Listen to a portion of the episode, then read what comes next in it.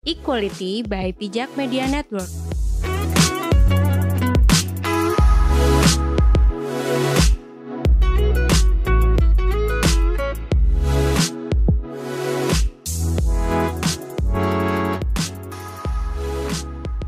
Halo, selamat pagi, siang, dan malam. Hari ini aku Dinda Safira barengan sama siapa? Sanela Anles Fadila. Kita mau ngobrol-ngobrol asik nih soal nikah muda ya Nel. Iya, betul sekali. Nah sebenarnya eh, nikah muda itu kalau kita ngomongin nikah muda ya itu tuh kayak em, dilema tapi juga sebenarnya itu adalah pilihan masing-masing orang. Kalau dilema itu ya kita tahu lah ya di Indonesia itu eh, banyak banyak yang mengemukakan bahkan juga dari penelitian bahwa nikah muda itu memang rentan dengan perceraian karena emosinya masih labil atau mungkin belum ada kemapanan secara finansial gitu. Tapi kita juga nggak bisa menyalahkan karena menikah muda itu merupakan pilihan eh, masing-masing individu. Bener nggak Nel? Benar, setuju banget. Nah kalau dari kamu sendiri menikah muda itu apa Nel? Kalau dari aku sendiri menikah muda tuh menikah ketika eh, usia kalau dari secara usia ya, kita lihat usia tuh di bawah 27 tahun lah. Eh, kalau dari banyak eh, referensi yang aku baca itu orang-orang tuh mulai matang dan mulai apa ya muncul tingkat kedewasaannya tuh kita ketika berusia 27 tahun ke atas gitu. Jadi kalau menurutku ketika di bawah usia 27 tahun itu kuanggap sih itu menikah muda. Oh gitu. Tapi ada juga nih yang mengatakan kalau tadi aku baca artikel ya, itu sih ya, memang sih kedewasaan seseorang itu di- tidak ditentukan oleh usia. Tapi memang idealnya, idealnya itu secara psikologis maupun medis bahwa seseorang dianggap sudah men- menduduki usia dewasa itu ketika mulai umur 23 tahun. Ya meskipun eh, kalau misalnya di bawah umur itu ada yang mau nikah ya silakan aja. Cuman Ya, benar. balik lagi ke komitmen masing-masing kan ya. Iya benar, balik lagi itu nikah muda itu pilihan. Iya. Nah kalau kamu sendiri ada pengalaman gitu nggak Nel? Eh, kalau aku sendiri jelas ya aku belum menikah sih, tapi teman-temanku yang menikah muda tuh udah ada lumayan banyak lah, mungkin udah ada sekitar lima orang gitu, baik dari yang perempuan maupun yang laki-laki dari pihak kedua itu. Jadi kalau aku bisa cerita sih kemarin aku sempet tanya-tanya gitu sama temanku soal nikah muda gitu. Dia tuh menikah sekitar usia 21 apa ya kalau nggak salah iya. Jadi dia belum bahkan belum lulus kuliah gitu. Dia udah memutuskan untuk menikah dengan seorang yang lebih muda eh lebih muda lagi lebih tua enam tahun gitu kan. Itu tuh ceritanya ya bisa dibilang kayak Gimana? ya? Kecelakaan atau gimana nih? bukan nih bukan soal kecelakaan jadi itu ceritanya tuh agak-agak apa ya membawa seseorang tuh menjadi berubah dengan drastis gitu karena menikah gitu kan Oh gitu. jadi eh, temanku ini cerita katanya mamanya tuh dapat mimpi kalau misalnya si anaknya ini tuh dijodohin sama laki-laki gitu. Oh gitu. Mm. Habis itu beneran dijodohin sih, maksudnya bukan dijodohin dalam artian kayak mamanya tuh ngasih orang gitu, enggak. Jadi tuh eh, mamanya tuh ketemu orang, nah orang ini yang emang niat eh, melamar si anaknya ini, temanku ini gitu. Nah jadi eh, temanku ini kan eh, sebelum menikah nih orangnya tuh agak ya rebel lah gitu kan, kayak apa sih nikah muda? gitu. Nggak kepikiran banget gitu.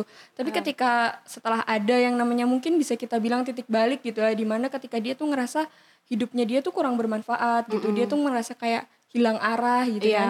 Sampai akhirnya dia eh, sholat gitu kan sholat istihara gitu. Sampai akhirnya dia memutuskan untuk kayak yaudah deh nikah gitu. Udah dari sejak mamanya menawarkan dia untuk menikah itu ada jeda satu tahun kayak gitu.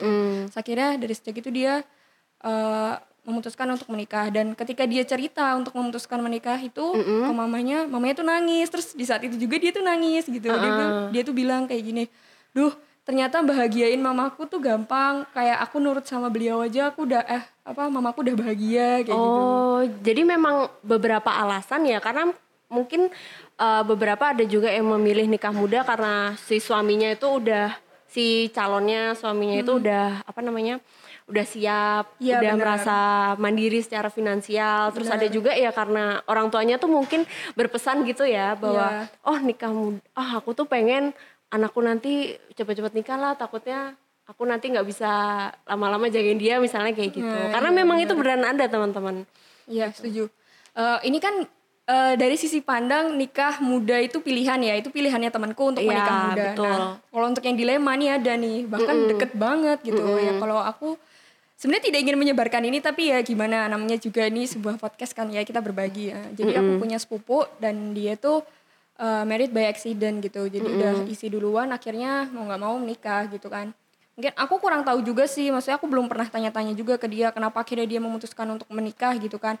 Apakah karena dia udah terlanjur malu ataukah dia uh, merasa kayak tidak punya pilihan lain gitu selain menikah gitu kan. Padahal kalau menurut aku sendiri sih uh, setiap perempuan ya itu tuh punya pilihan gitu. Bahkan ketika lagi hamil pun ya dia punya pilihan untuk misalnya kayak aku belum siap nih memiliki anak gitu. Kayak Iya. Aku ngerasa ya dia boleh gitu loh untuk menggugurkan kandungannya. Kalau aku pribadi sih merasa itu pilihan perempuan. Iya, jadi setiap apa ya menurut aku pernikahan itu adalah pilihan masing-masing individu. Dan ketika misalnya kita udah menikah dan misalnya kita mau ya amit-amit lah ya misalnya mau cerai atau misalkan dia ada nih yang nggak pengen punya anak ya itu memang pilihannya masing-masing. Kita nggak benar buat ngejudge gitu ya. Iya benar-benar. Nah, tapi nikah muda itu juga gimana ya? Akhir-akhir itu semakin masif digencarkan Nah, oleh iya. beberapa akun-akun akun-akun dakwah gitu Iya, ya. betul sekali. Yang niatnya tuh buat berhijrah, buat eh, apa ya? Untuk menyebarkan kebaikan, tapi jatuhnya tuh malah jadi kampanye nikah muda. Nah, setuju. Nah, yang aku lihat di sini ya apa ya seolah-olah tuh bahwa kalau misalnya kamu pengen berubah jadi yang lebih baik, tapi kamu harus nikah dulu supaya menghindari zina. Itu kan rasanya kayak mereduksi makna pernikahan sendiri gak sih, Nel? Iya benar setuju banget.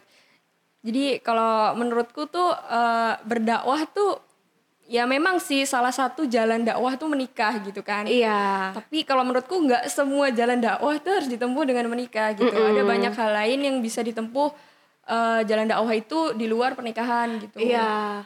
Nah, yang jadi pertanyaan juga seolah-olah tuh akun dakwah itu tuh mengatakan bahwa ini loh laki-laki tuh digambarkan sebagai makhluk yang libido libido tuh apa ya hasrat seksualnya tuh tinggi sehingga mereka tuh nggak bisa nahan. Padahal hasrat seksual itu tuh bisa ditahan bisa dikontrol. Salah satunya kalau di dalam agama itu ya puasa.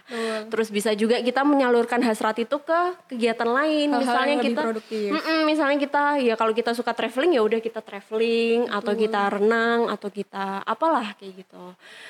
Nah, yang jadi pertanyaan itu kadang eh, seolah-olah tuh yang digambarkan di kampanye-kampanye nikah muda itu ya Nel kayak cewek tuh bisanya cuma nunggu doang nggak Iya, bisa betul. usaha gitu padahal banyak loh di luar sana cewek-cewek yang memang sudah matang dan mereka memang benar-benar menyiapkan diri untuk memasuki jenjang pernikahan Iya betul. gitu.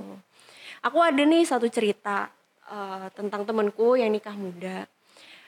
Aku lupa deh dia nikah umur berapa, cuman saat ini dia udah punya anak umurnya tiga tahun. Berarti kayaknya dia satu tahun di bawahku deh.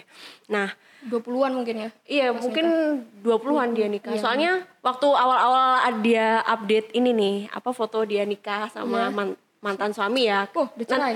iya, nanti aku ceritakan juga kenapa dia bisa kayak gitu. Nah, waktu awal-awal itu kita ya aku sama teman-temanku yang kebetulan kenal dengan dia tuh pasti bertanya-tanya dong loh kok dia udah nikah dulu padahal belum lulus kuliah? Bla bla bla segala macam pertanyaan. Pada akhirnya kita juga mikir kan ya ini memang pemikiran buruk sih karena jadi stereotip juga ya. Kita mikirnya wah dia ini MBA apa ya? Tapi ternyata enggak loh. Dia memang tidak MBA karena beberapa bulan itu dia baru bilang kalau dia tuh hamil setelah pernikahan itu nah karena lama aku juga nggak nanya-nanya kabar ke dia terus tiba-tiba tahu aja dong kalau dia tuh udah pisah sama suaminya Waduh. Nah, yang- berarti. Mm-mm. Nah, anaknya ini udah umur 3 tahun. Nah, cuman yang jadi pertanyaanku adalah memang nikah muda itu adalah pilihan, tapi balik lagi apakah kita udah siap untuk berkomitmen dan bertanggung jawab dengan keputusan itu?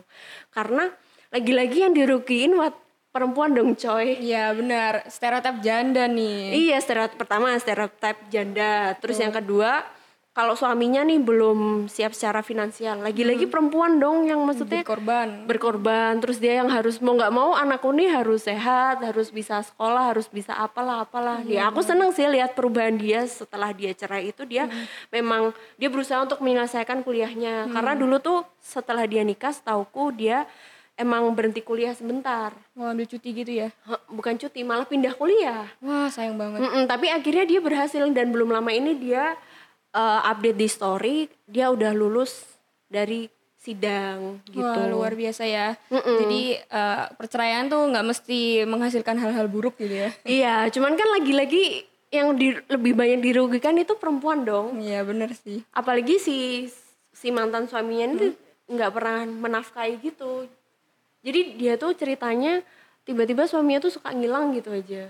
Wah ini gimana nih awal tujuan nikah mudanya nih? Iya makanya tuh kadang kan aku yang sering kasihan itu kalau uh, lihat fenomena nikah muda ya aku tuh lebih kasihan sama perempuannya karena lagi-lagi perempuan itu pasti lekat dengan namanya stereotype dan label janda itu nggak main-main Berat coy. eh, berat, berat, sekali.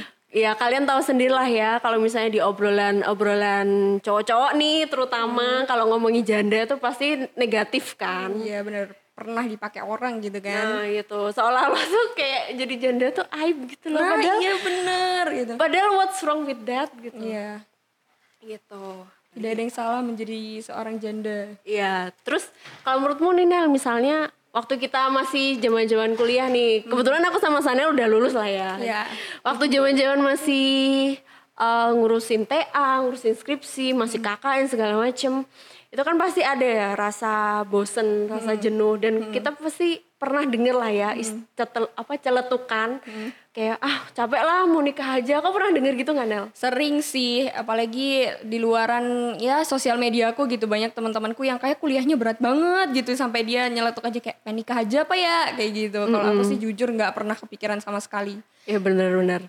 Ngerasa kayak Teh Ani bukan sesuatu yang harus digantikan dengan menikah gitu ya TA harus diselesaikan gitu menikah Iya. mah beda urusan gitu malahan tuh seolah-olah tuh kalau nyeletuk kayak gitu apa ya kayak seolah-olah tuh menikah tuh adalah solusi dari segala permasalahan hidup padahal justru nambah, Nambah ya nggak sih? masalah gitu kan tadinya ngurus diri sendiri doang sekarang jadi ngurus pasangan gitu kan Iya, gitu. apalagi nanti kalau punya ekor aduh udah ngurus Aduh. pasangan ngurus ekornya gitu kan Hmm.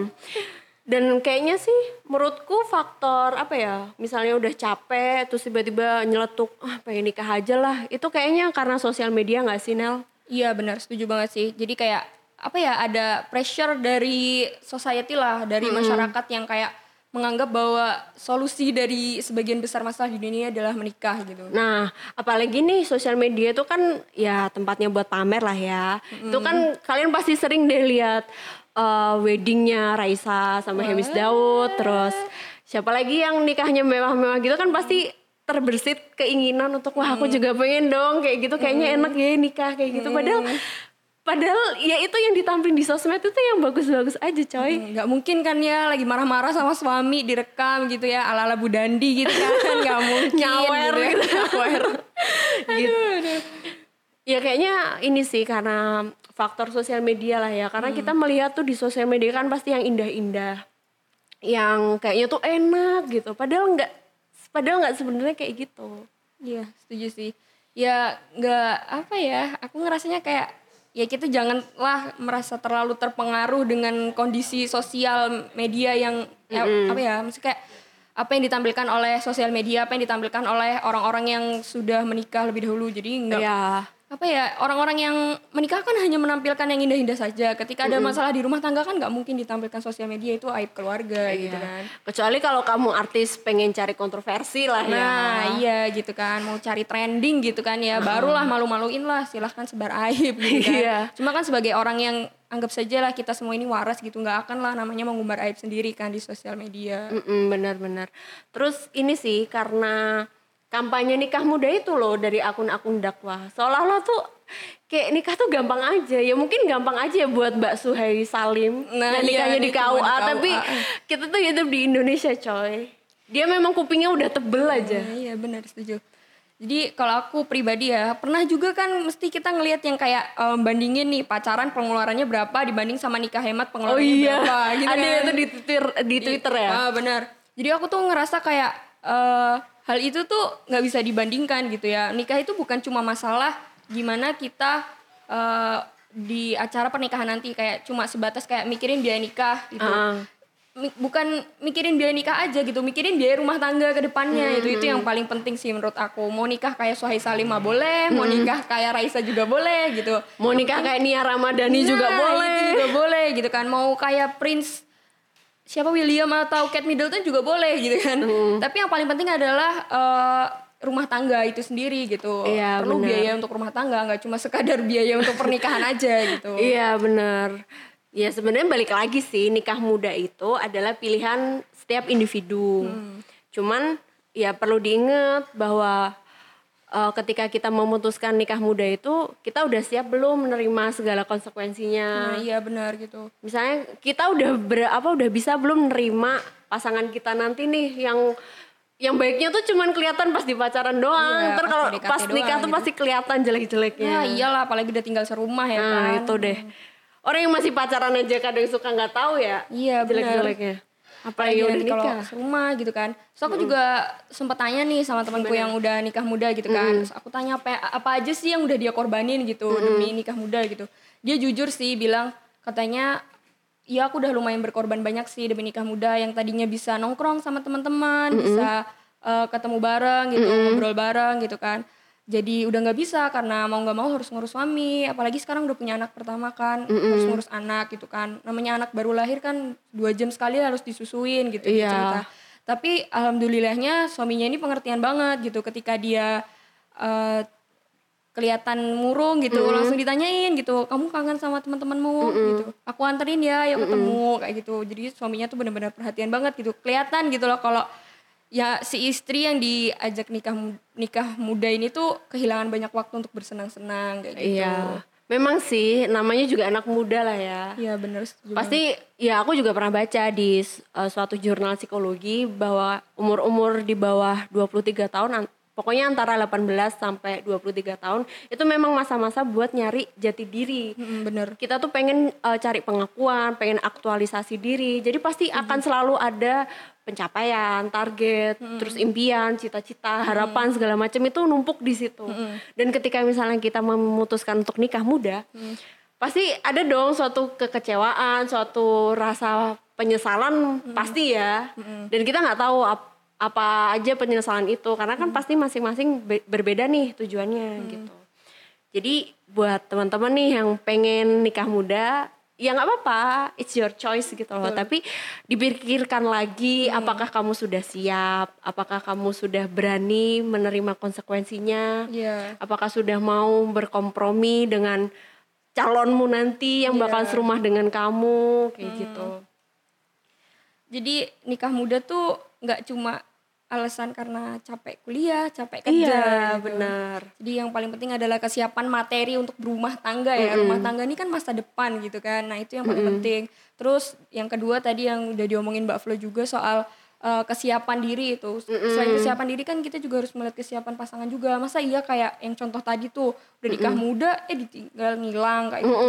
Serem banget sih itu udah kayak apa ya nikah loh men. Bukan cuma pacaran gitu yang ditinggal ya udah bodo amat tinggal Iya, move on gitu. Ini mah cerai gitu kan. Aduh udah sayang banget gitu loh. Ribet kan ngurusin cerainya itu. Pasti ada bukan banding ya, apa ya itu Nel? ya ap- maksudnya kan kalau misalnya dari pihak cowok yang menceraikan kan lebih mudah gitu. Secara dari dari agama memang cowok yang menceraikan. Tapi kalau pihak perempuan yang minta cerai itu harus ke pengadilan agama memang. Nah itu lebih ribet lagi ya kayaknya. Nah ini nih ada satu fenomena menarik. Jadi kalau di mm, akun-akun dakwah itulah ya, ya teman-teman tahu lah ya yang aku maksud tuh apa. iya betul Itu kan seringnya tuh ngejek-ngejekin jomblo, ih ngapain sih jomblo ya kan? Kan kayak annoying banget ngapain lu ngurusin hidup gua. Terus yang lebih annoying itu tuh seolah-olah kayak apa ya misalnya kayak menjudge orang yang memutuskan untuk pacaran. Iya balik lagi coy pacaran kek nikah kek atau nggak nikah kek. Atau enggak pacaran itu Nah, pilihan. itu pilihan. Kalau misalnya kamu men- mereduksi apa ya pernikahan itu sebagai upaya untuk menghindari zina. Nah, itu kayaknya seolah-olah tuh kamu kalah sama hawa nafsumu gak sih? Iya, benar setuju sih. Maksudnya kayak pacaran tuh nggak mesti soal seks ya. Oh my god, banyak hal yang dilakukan oleh orang yang orang-orang pacaran ya. Contohnya adalah bersaingan sehat gitu. Yang satunya, misalnya yang satu pasangannya mengejar karir, yang satu mengejar pendidikan. Nah itu kan apa ya suatu hal yang saling mendukung gitu loh karena Iya. balik lagi itu tuh untuk kepentingan masa depan mereka juga gitu kan mereka kan pasti akan membesarkan anak-anak yang cerdas yang berguna bagi bangsa gitu kan Iya, benar, jadi benar. orang tua tuh harus pinter jadi aku merasa kayak apa ya kesiapan secara apa ya otak gitu loh. Gimana eh, kedua pasangan ini ketika menikah memiliki anak tuh bisa menjadikan seorang anak ini yang berguna bagi bangsa negara dan agama gitu, kan. Jadi nggak sekadar kayak menikah ya udah ngurusin anak ya seadanya aja gitu kan. Enggak gitu kan. Pasti kita pengen yang terbaik lah untuk anak kayak gitu kan. Iya, dan kalau seringnya nih yang apa ya yang dibahas itu tuh kayak ya udah yang penting kamu nikah taaruf dulu nggak apa-apa. Ya is okay kalau kamu mau taaruf tuh nggak apa-apa. Bahkan mungkin itu dianjurkan lah ya di Ya, dalam betul. agama. Tapi masalahnya hari gini coy kamu taaruf sama orang tapi kamu nggak kenal sama sekali.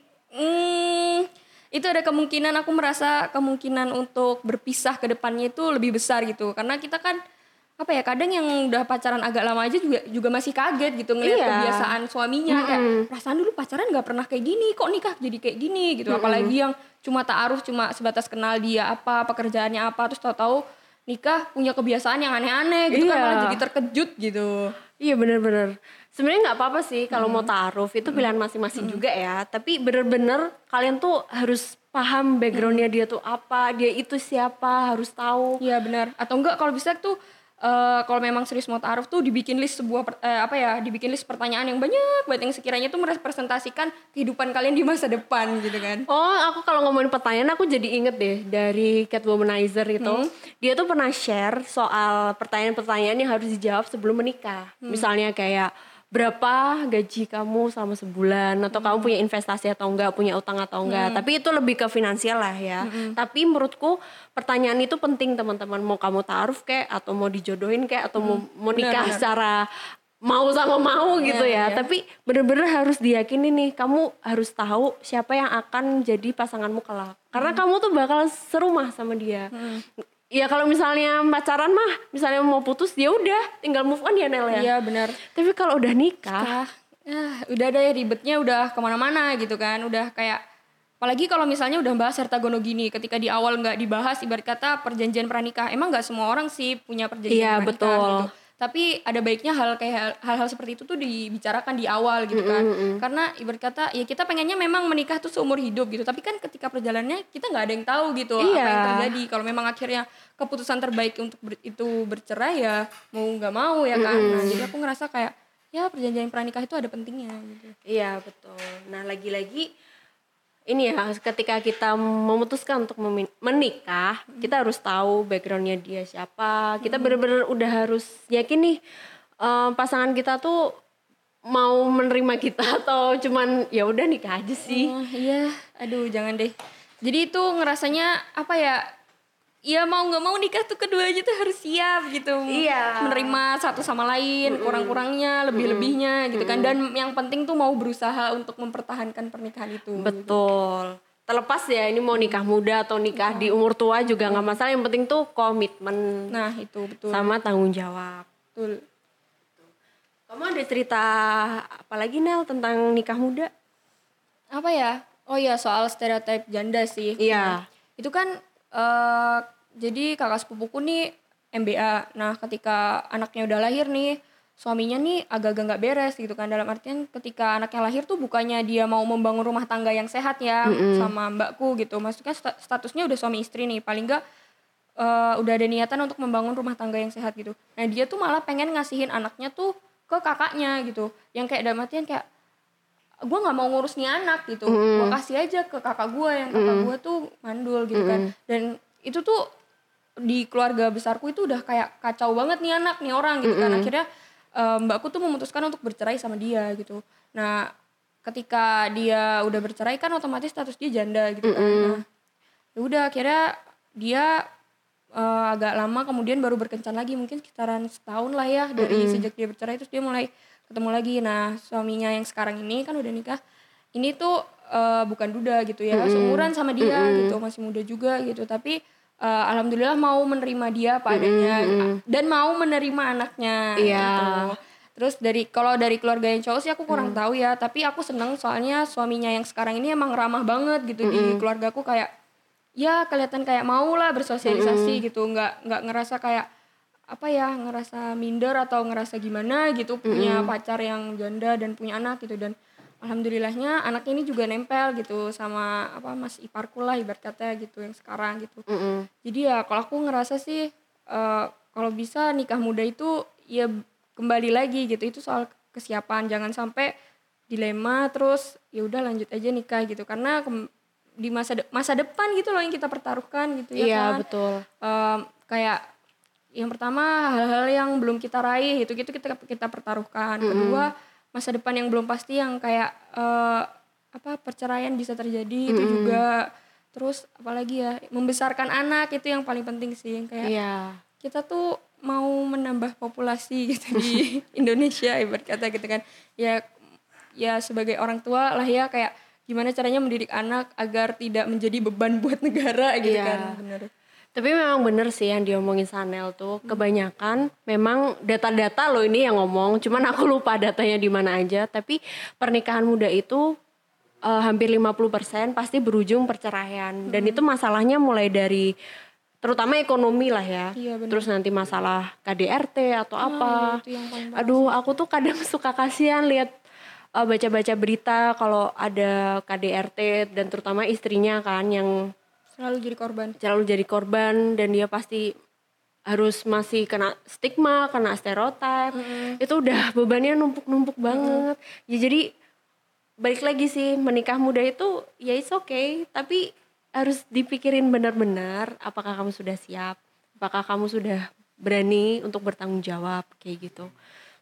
ya pasti yang paling penting sih eh, dari pihak perempuan dan laki-laki itu sama-sama harus saling mengedukasi dan saling mengetahui lah perannya masing-masing. Iya betul. Dan tentunya kalau menikah itu kita juga harus ada kesepakatan dong. iya betul. Apakah nanti si istri boleh kerja atau enggak? Kalau misalnya nggak kerja nanti gimana penghasilannya? Atau mungkin nanti siapa yang ngurus anak siapa segala macem. Memang pernikahan itu kuncinya adalah komunikasi juga. Iya, betul.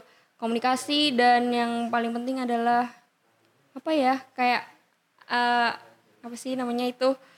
eh apa ya? Rasa keterikatan saling memiliki satu sama lain. oh iya benar-benar tapi kita berbicara di sini karena pengalaman teman-teman kita yang udah menikah loh ya Iya, betul. bukan berarti kita juga udah ahli dalam pernikahan tuh ya Nah, enggak gitu, kan. Ya kalau ngomong soal ahli ya orang tua sih alhamdulillah ahli gitu kan yang sampai sekarang udah menikah 25 tahunan lah ya gitu Iya. kan. Simbah-simbah udah menikah 50 tahun alhamdulillah aku nggak punya keluarga yang pisah kayak gitu. Jadi aku ngerasa kayak ya mereka bisa jadilah role model buat kita gitu kan. Eh tapi aku pernah bahas loh Nel sama beberapa temen yang lagi eh, master psikologi.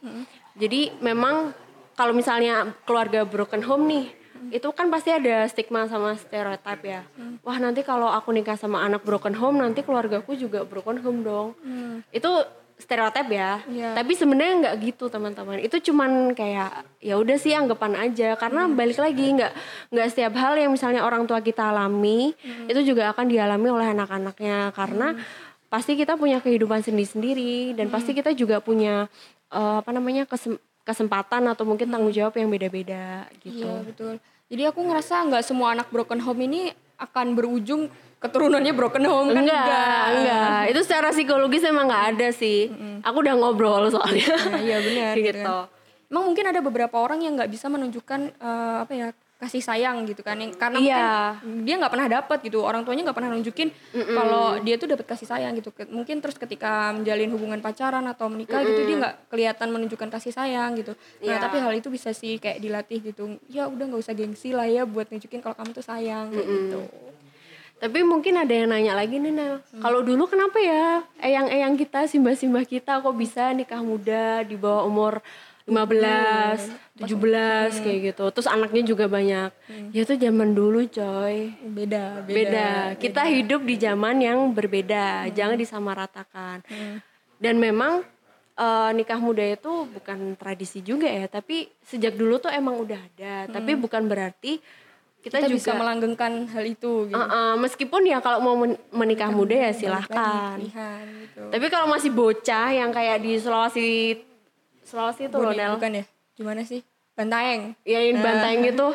Itu masih bocah, ngapain nikah? Itu anak-anak gitu pernikahan anak-anak tuh tidak legal. Itu sesuatu yang melanggar hukum. Benar, apalagi di undang-undang itu dijelaskan bahwa anak-anak itu wajib sekolah 12 tahun. Kalau memang dia belum belum selesai sekolah tapi dia udah nikah berarti melanggar hukum dong. Nah iya anak-anak itu harus sekolah gitu kan. Kalau bisa setinggi mungkin karena aku ngerasa kayak akses pendidikan tuh sekarang makin mudah gitu kan. Iya. Beasiswa tuh banyak gitu. Sayang gitu kalau anak-anak tuh nggak melanjutkan sekolah gitu. Mm-mm. Tapi mungkin ini Nel itu hanya dirasakan di beberapa daerah aja.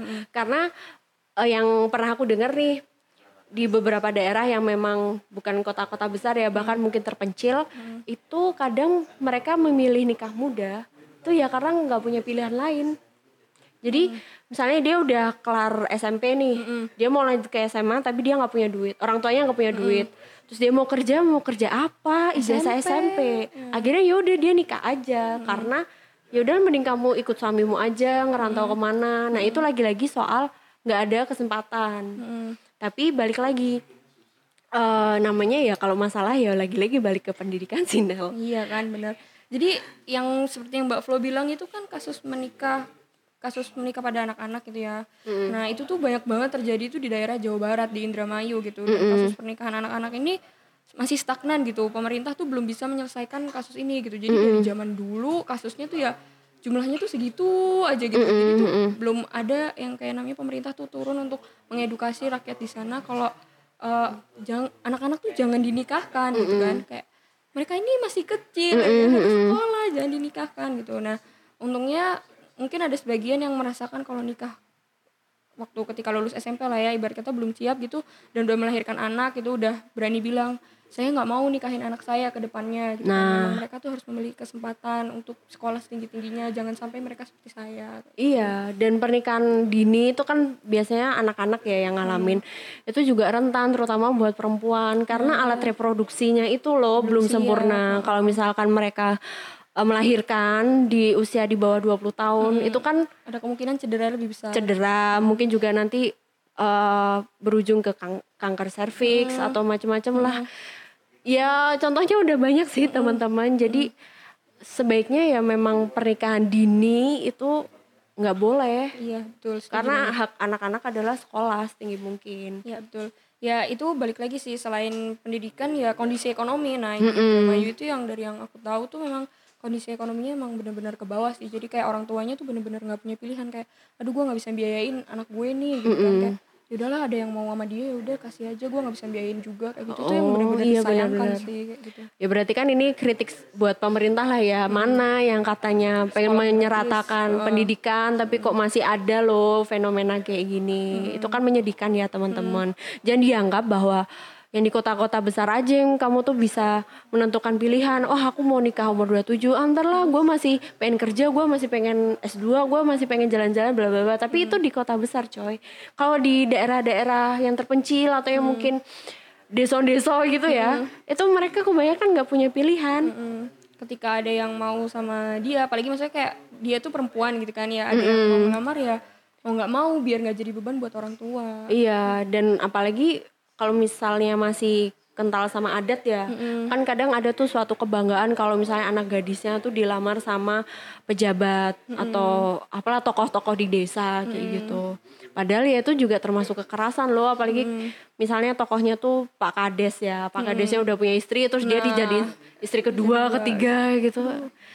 Aduh menyedihkan deh. Gitu. Mm, itu ya termasuk kekerasan pada anak-anak sih. Emang itu sangat-sangat disayangkan dan memang ah, ada banyak pihak yang harus turun tangan untuk mengatasi masalah ini gitu. gitu. Jadi kalau dari kita pribadi berhubung kita juga bukan anak yang tinggal di desa-desa gitu ya, kita berusaha ngasih apa ya? Pemahaman ke diri sendiri sih. Ketika kita memutuskan untuk menikah ya balik lagi apakah kita sudah siap? Apakah kita mampu untuk menanggung resikonya konsis apa? Konsekuensi. konsekuensi segala macem gitu. Jadi balik lagi ya dipertaruhkan itu masa depan. Kita kan pasti ingin membangun masa depan yang cerah, yang lebih baik gitu. ya. Menikah itu adalah salah satu membangun masa depan itu gitu. Jadi ya gimana usaha kita untuk membangun masa depan itu dengan pasangan gitu kan. Oke, mungkin dari bincang-bincang nikah muda tadi ya kita sharing-sharing aja lah ya. Kita bukan bermaksud untuk ngejudge, kita bukan bermaksud untuk mempengaruhi kalian agar Tidak usah nikah muda. uh, atau mungkin pengen wah kayaknya mbak-mbaknya nih dukung nikah muda. Oh enggak, kita di sini cuma sharing aja ya Nel.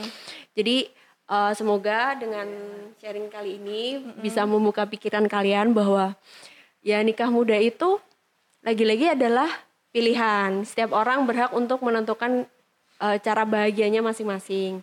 Tapi ya ini kita juga harus lihat realita bahwa nikah muda itu nggak segampang dan seenak yang di sosmed loh. Betul sekali. Nggak segampang omongannya akun-akun dakwah loh yang nikah tuh cuman 1,2 juta doang gitu. Wah, Sohai Salim gratis loh nikahnya. Iya, soalnya Salim cuma di KUA doang Iya, pakai jeans. bener. Gitu. Nah, untuk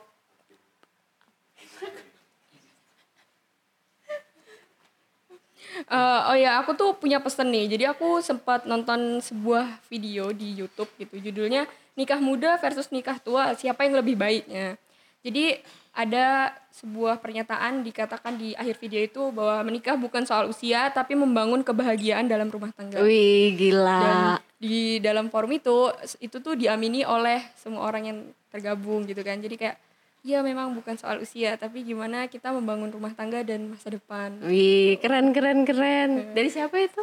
itu videonya dari kitabisa.com kerjasama sama Sariwangi gitu. Jadi mereka tuh ngobrol kan antara orang-orang yang nikah muda sama orang-orang yang udah nikahnya udah lebih tua gitu kan. Mereka sharing aja gitu. Kenapa sih orang nikah tua? Kenapa sih orang nikah muda gitu? Jadi Oh, perspektif masing-masing gitu. gitu kan. Mm-mm. itu boleh tuh ditonton buat teman-teman yang untuk yang masih kepikiran soal menikah gitu kan. Yang kayak gimana nih? Apa enaknya nikah muda? Apa enaknya nikah tua? Nah boleh tuh ditonton videonya. Pasti kalian bakal dapat perspektif baru soal menikah muda dan menikah tua gitu Wah, keren banget ya. Videonya pasti. Aku udah bayangin sih kayaknya keren banget. Iya, ngobrolnya tuh bisa asik gitu yang kayak eh, nggak ada tendensi saling ngejudge gitu. Bener-bener kayak gue nikah tua gue lebih baik, gue nikah muda gue lebih baik tuh nggak ada yang kan mereka saling ngobrol aja gitu satu sama lain yang kayak gue nikah muda kayak gini, gue nikah tua tuh kayak gini gitu. Adalah kekurangannya, adalah lebihnya gitu. Gue nikah tua sekarang gue udah nggak bisa ngejar anak nih, udah apa ya boyok gitu kan. Nah, yang nikah muda sih masih bisa semangat nih ngejar anak yang masih kecil gitu kan, lari-larian gitu. Tapi ada yang nikah muda bilang balik lagi, ya saya mengorbankan masa depan saya gitu kan. Saya ada beberapa tujuan yang belum bisa saya kejar kayak gitu gitulah. Oke, jadi gitu aja ya teman-teman pembahasan soal nikah muda. Mungkin kalau kalian mau ada saran equality mau bahas apa lagi nih, bisa loh kalian kasih di komentar box. ya udah gitu aja. Eh, ya udah gitu aja gitu. Eh, yang jelas kami berdua tuh nggak ada ngejudge yang nikah muda atau yang nikah tua. Iya, tapi kita nggak ngejudge ya. Membuka perspektif teman-teman soal nikah muda Ya dan betul. membangun rumah tangga. Oke, kalau gitu kita akhirin aja sharing-sharing hari ini. Jangan lupa dengerin podcastnya Equality. Gak tahu juga sih terbitnya, eh, launchingnya tuh tiap hari apa, seselonya aja. Equality adalah podcast suka-suka.